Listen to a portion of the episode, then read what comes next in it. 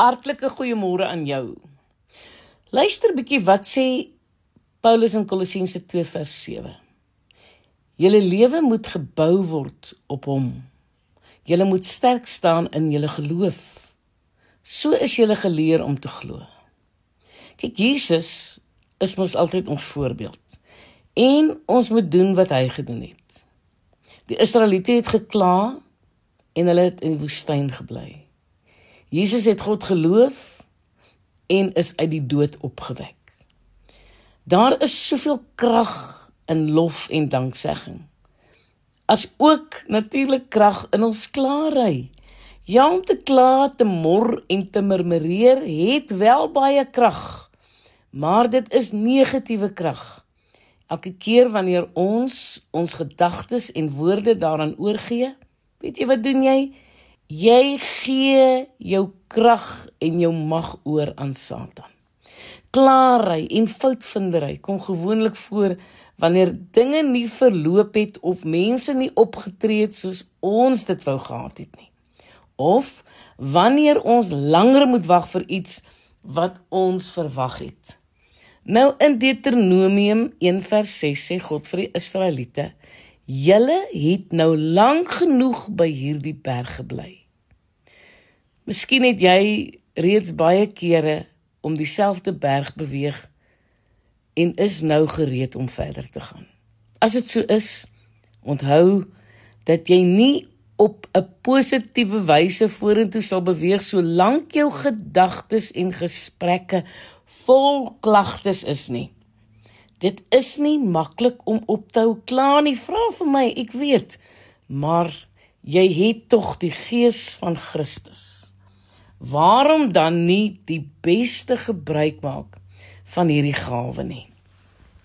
Ongeduld is die vrug van trots. 'n Trotse mens kan nie met die regte gesindheid vir enige iets wag nie. Kyk, geduld is nie die vermoë om te wag nie, maar dit is die vermoë om 'n goeie gesindheid te openbaar terwyl jy wag.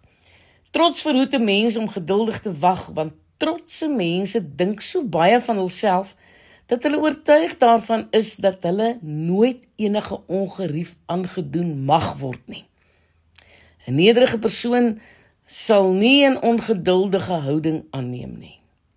Satan gebruik ook jou gedagtes op 'n ander manier om jou ongeduldig te laat optree.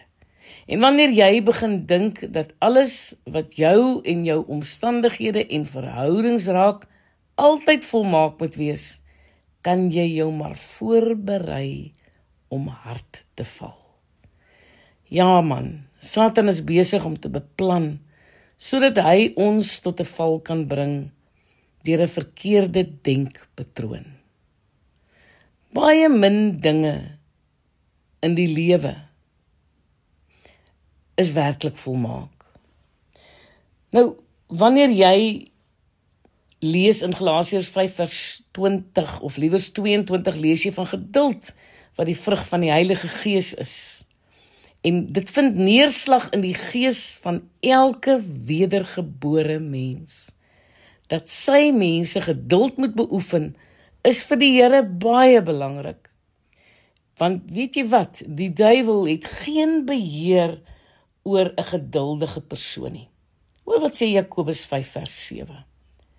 Hy sê: "Wees daarom geduldig, my liewe medegelowiges. Vir hoe lank tot die Here weer terugkom? Hou die boer mooi dop en leer van hom. Hy wag geduldig. Ja, die boer wag geduldig op die reën. Hy staan vas in geloof. Kom ons leer om geduldig te wees al ons beproewinge sodat ook God se naam deur ons geduld en ons geloof in hom verheerlik sal word. Jong, ek het al wonderlike getuienisse gelewer oor my geloof waaraan ek vasgestaan het in God en my nie laat beweeg het deur my omstandighede nie. Is dit altyd maklik nie verseker nie. Maar God gee ons daardie krag. Mag jy dit ook vind en dit leef. Ek is Lenet Beer vir Radio Kansel.